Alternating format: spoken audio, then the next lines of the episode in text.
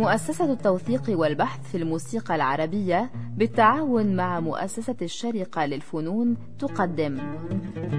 من التاريخ.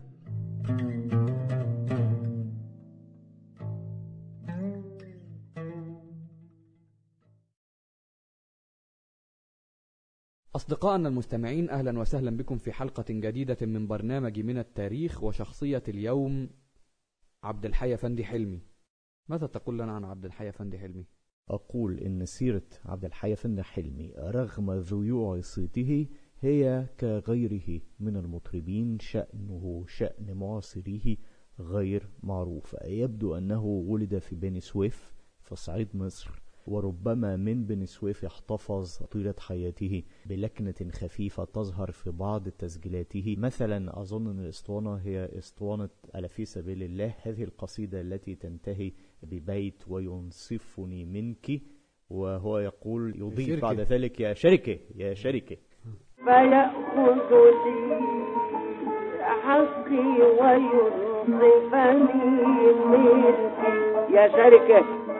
فليس من إشارات عن تكوينه في المراجع القديمة يشاع فقط أنه تعلم مباشرة من أساتذة المدرسة الخديوية أدوارهم الأساسية. بعض المصادر تشير إلى ولادته في 1880 فهذا التاريخ مستحيل. هو ما تناقضه الصور التي نشرتها شركة جراموفون فضلا عن اتساع محفوظاته وهو ما يتطلب معاشرة مديدة ومباشرة للأساتذة الكبار. فالأرجح أنه ولد ربما في الخمسينات أو الستينات من القرن التاسع عشر. عمل في شبابه لدى الوجيه السكندري الثري إسماعيل باشا حافظ.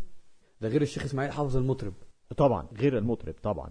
وهذا أتاح له أن يلتقي في صالونه بكبار أصوات تلك الفترة في نهاية القرن التاسع عشر ومنهم غالبا تعلم فنه. وكما يقال إنه كان مذهبجيا في تخت الملحن والمطرب الأشهر في نهاية هذا القرن أي طبعا سي عبده. عبد الحمولي. ولشدة إعجابه بالحمولي فقد كان يهوى الاستماع إلى التسجيل الأسطواني القديم الاسطوان الكوباية للحمولي وهو يغني بقصيدة أراك عصي الدمع وهي التي سجلها عبد الحي حلمي نفسه عدة مرات مستلهما ومطورا أداء الحمولي. ولكن أقترح بخصوص فن عبد الحي أفندي حلمي في أداء القصائد أن نستمع قصيدة أخرى من نفس المقام مقام البياتي وقصيدة موقعة أيضا.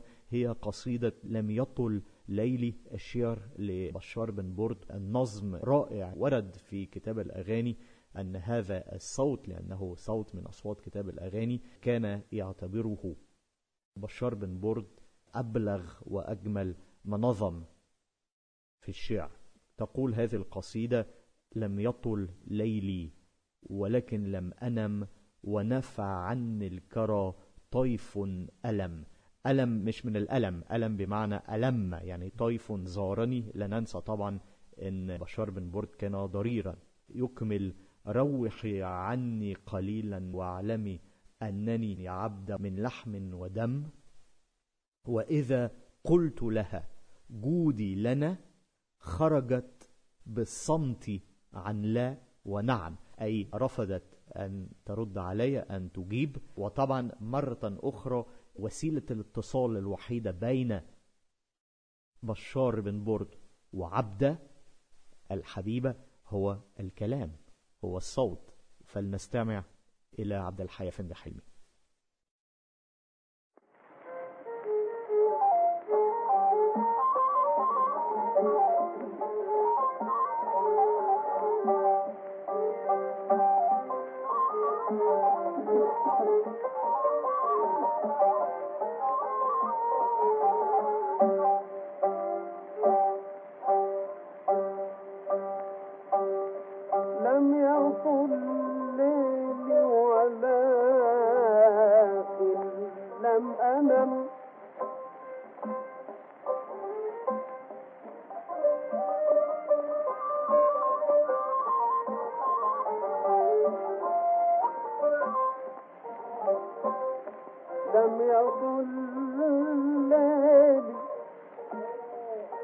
ولكن لم أنم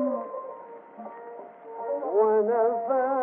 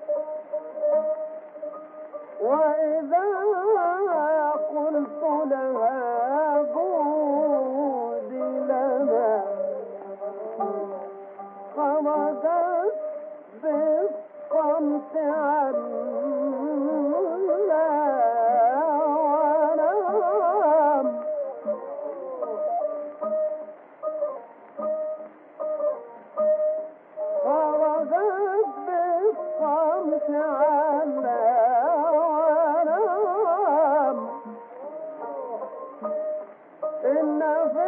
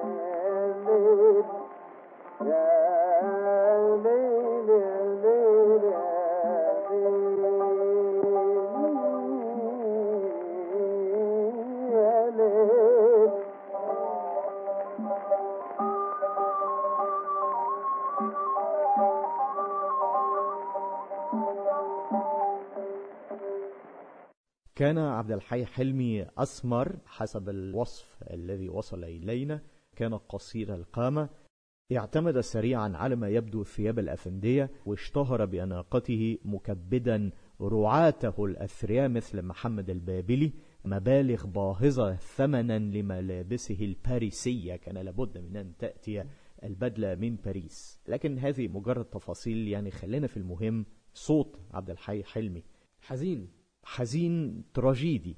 تمتع صوته بالطواعية والقوة والتراجيديا في آن واحد. كان بالخصوص يرتاح في طبقاته العليا. لم تتأخر أنظار المحافل عن الالتفات إليه كما عرف بغرابة أطواره خاصة أثناء الحفلات. تذكر بعض المصادر الطرف التي أتى بها. ربما مثلا كان يقطع حفله لأتفه الأسباب مفضلا أن يغني للبحر أو أن ينام وقت الحفلة أو أن يؤخر مديدا غناءه واضعا تحت القانونجي محمد العقاد في أحرج المواقف. تصفه ذكريات الأوساط الموسيقية التي نقلت إلى كبار جامعي التسجيلات الموسيقية من القرن التاسع عشر بالإدمان الإدمان على الكحول واستهلاك كميات كبيرة من الحشيش وربما الأفيون.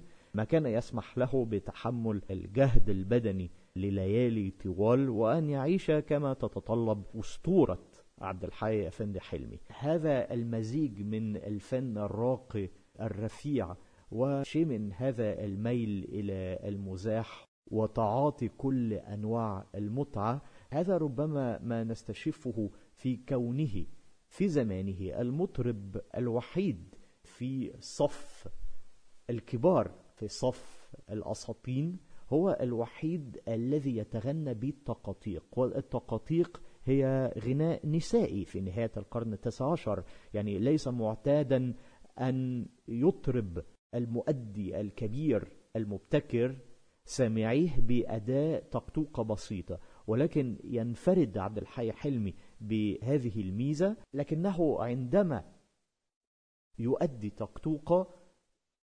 يعالج موسيقيا الطقطوقة وكأنها شبه دور من الأدوار أو يزخرف أداءها بطريقة بديعة. حتى لو كان هناك شيء من الإسفاف في الكلمات لكن الإسفاف أو نقول الخلاعة الظريفة.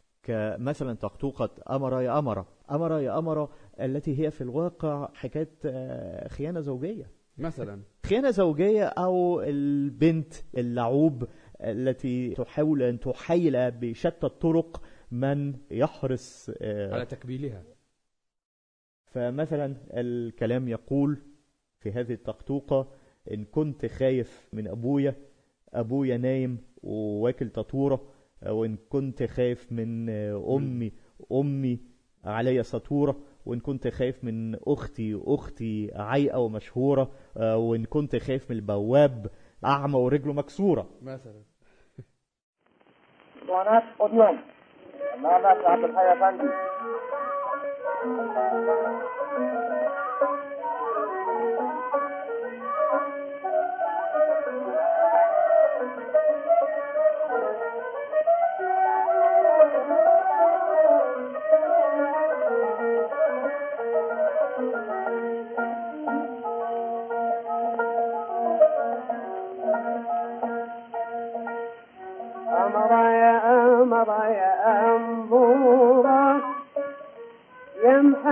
से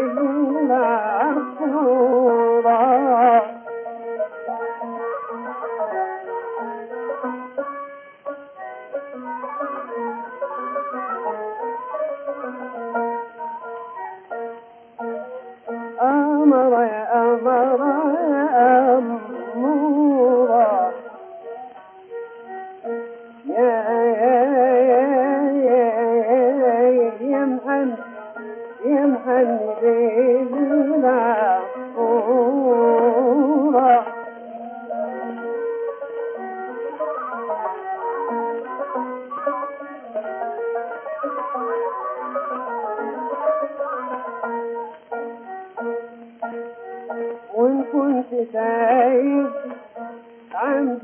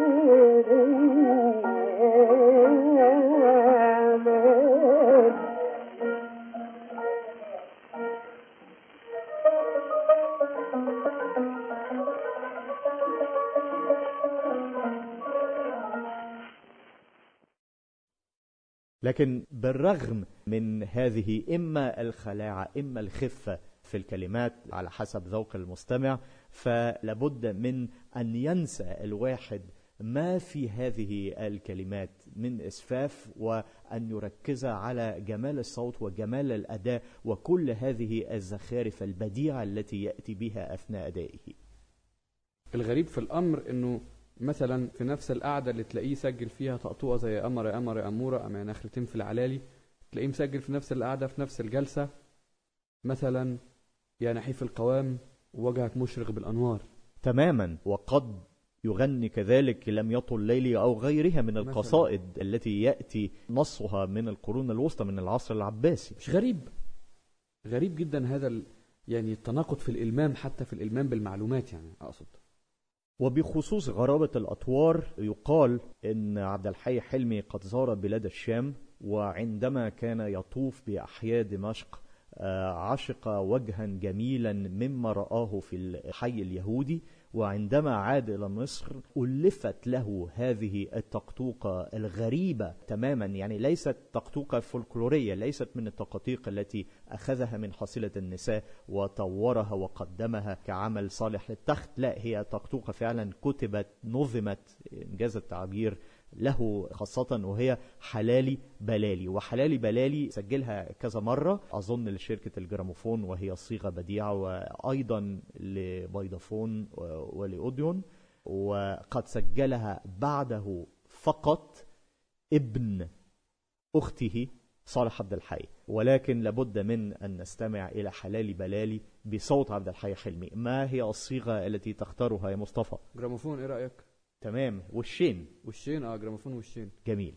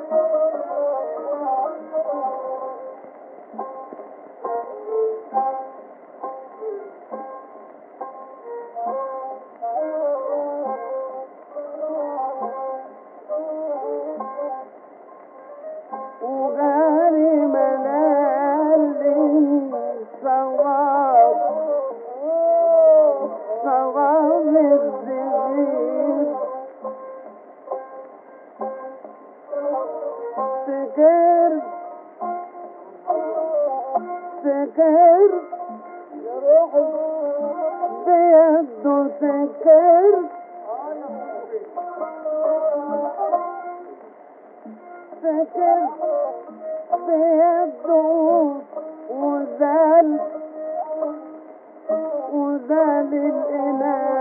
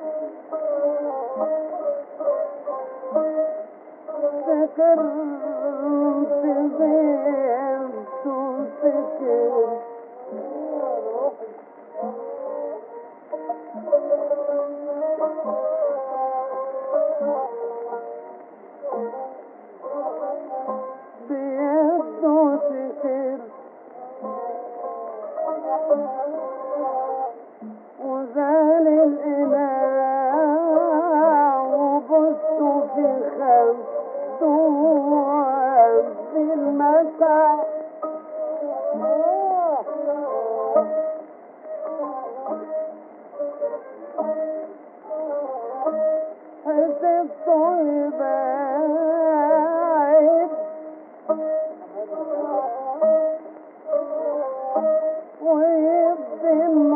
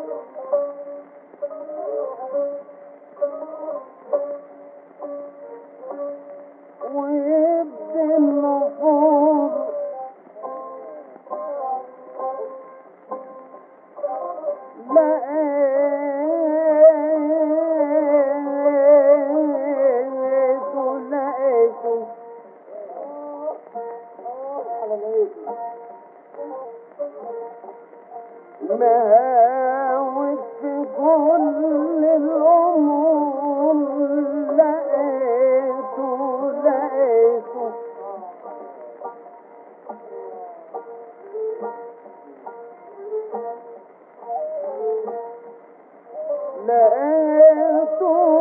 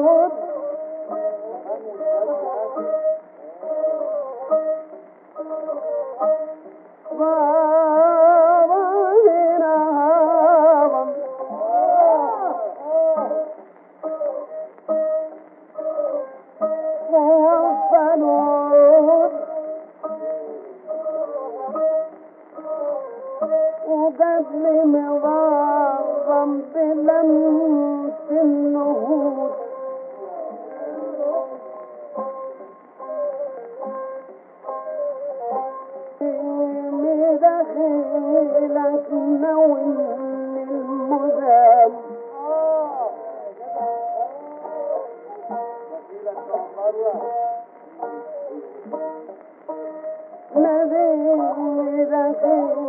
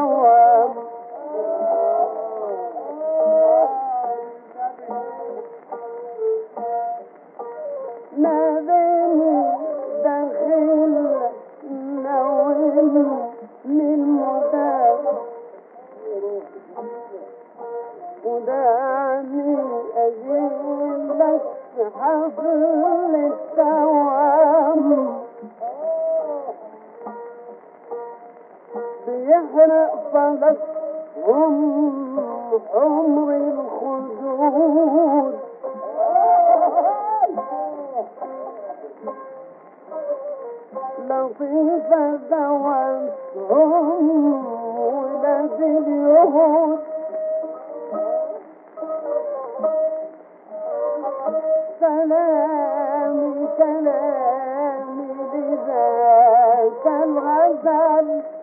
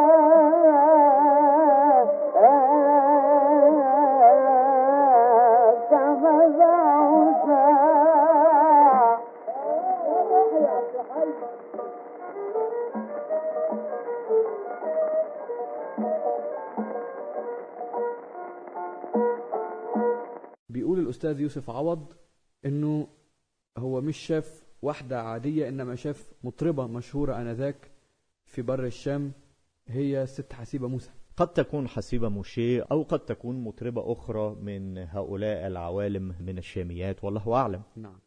وعلى فكرة يعني بذكر غرابة الأطوار والعادات المتفشية في الأوساط الموسيقية في بداية القرن العشرين ربما نمط الحياة هذا هو ما يشير إليه مهندس الصوت الإنجليزي مطلع القرن العشرين عندما يذكر في مذكراته كميات الكحوليات والكوكايين والمخدرات التي يبتلعها الفنانون مدة السهرة والتي كانت تدوم من أول المساء إلى الثانية أو الثالثة صباحا.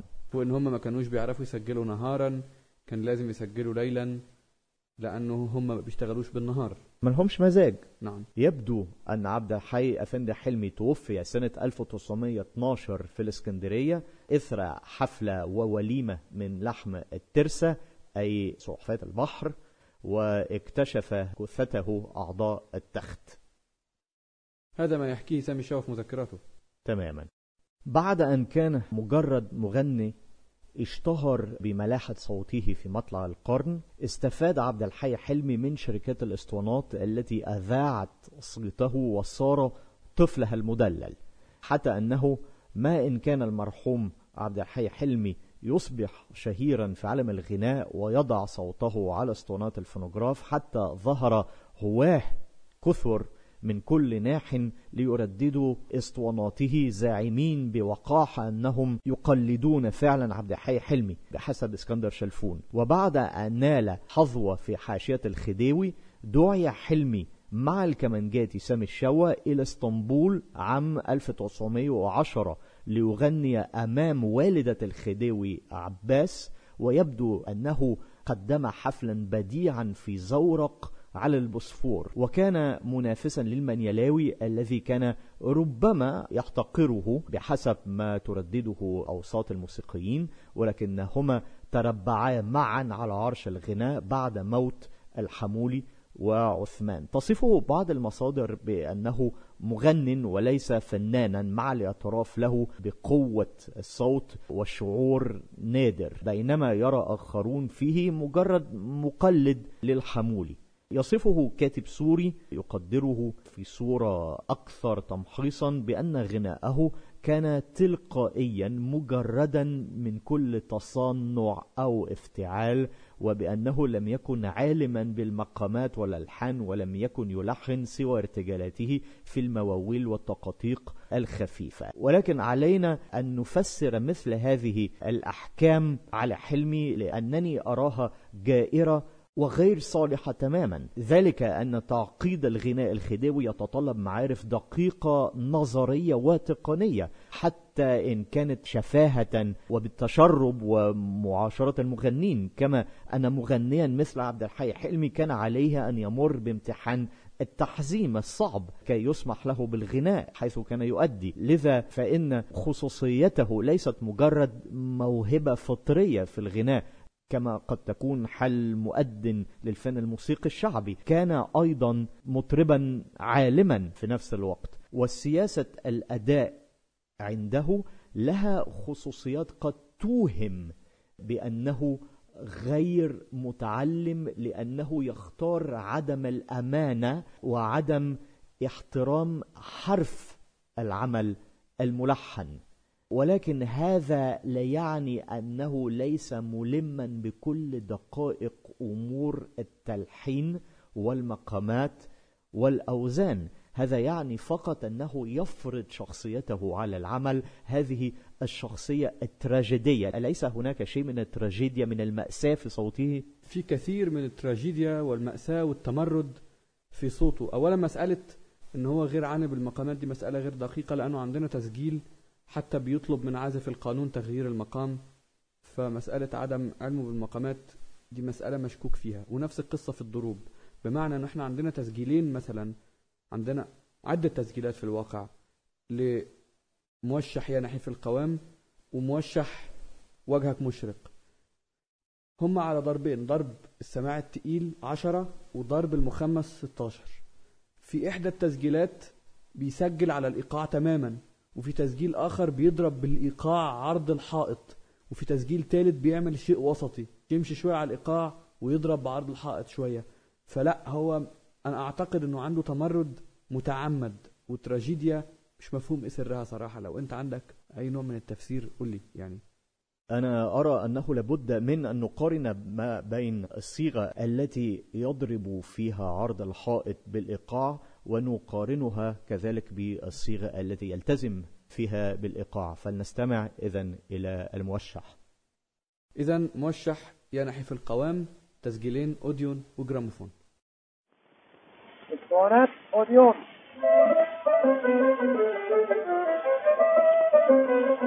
يا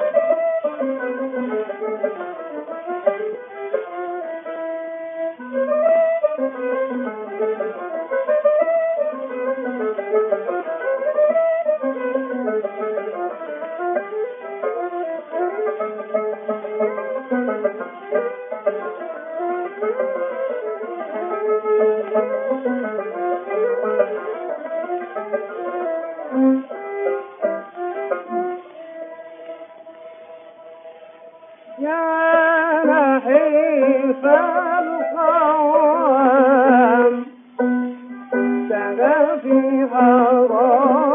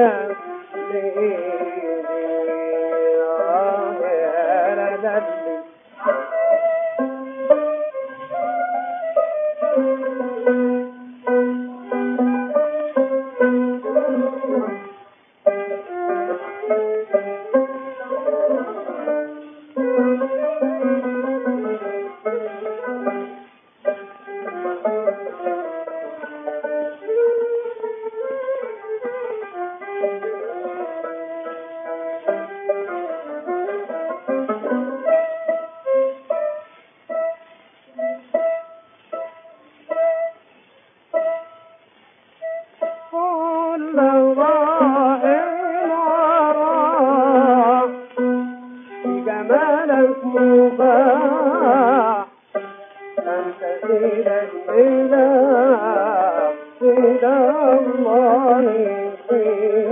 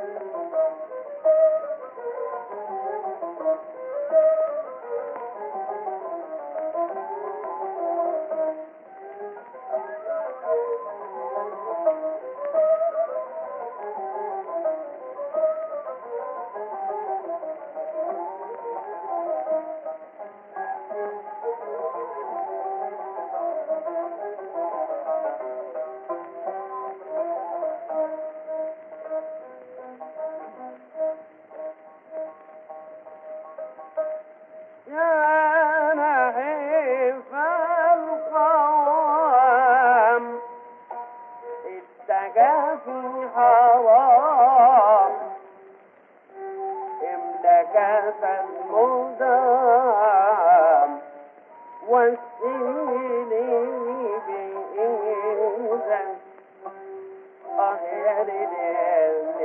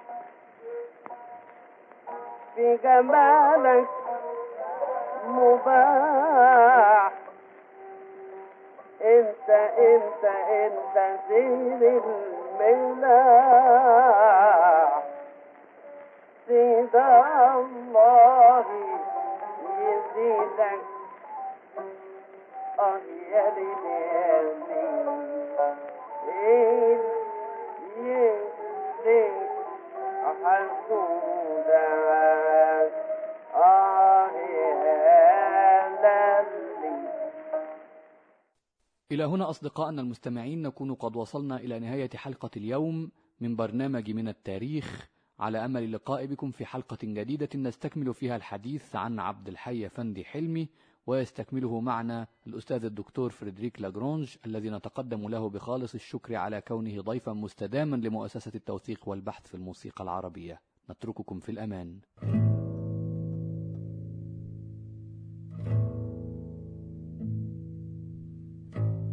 من التاريخ.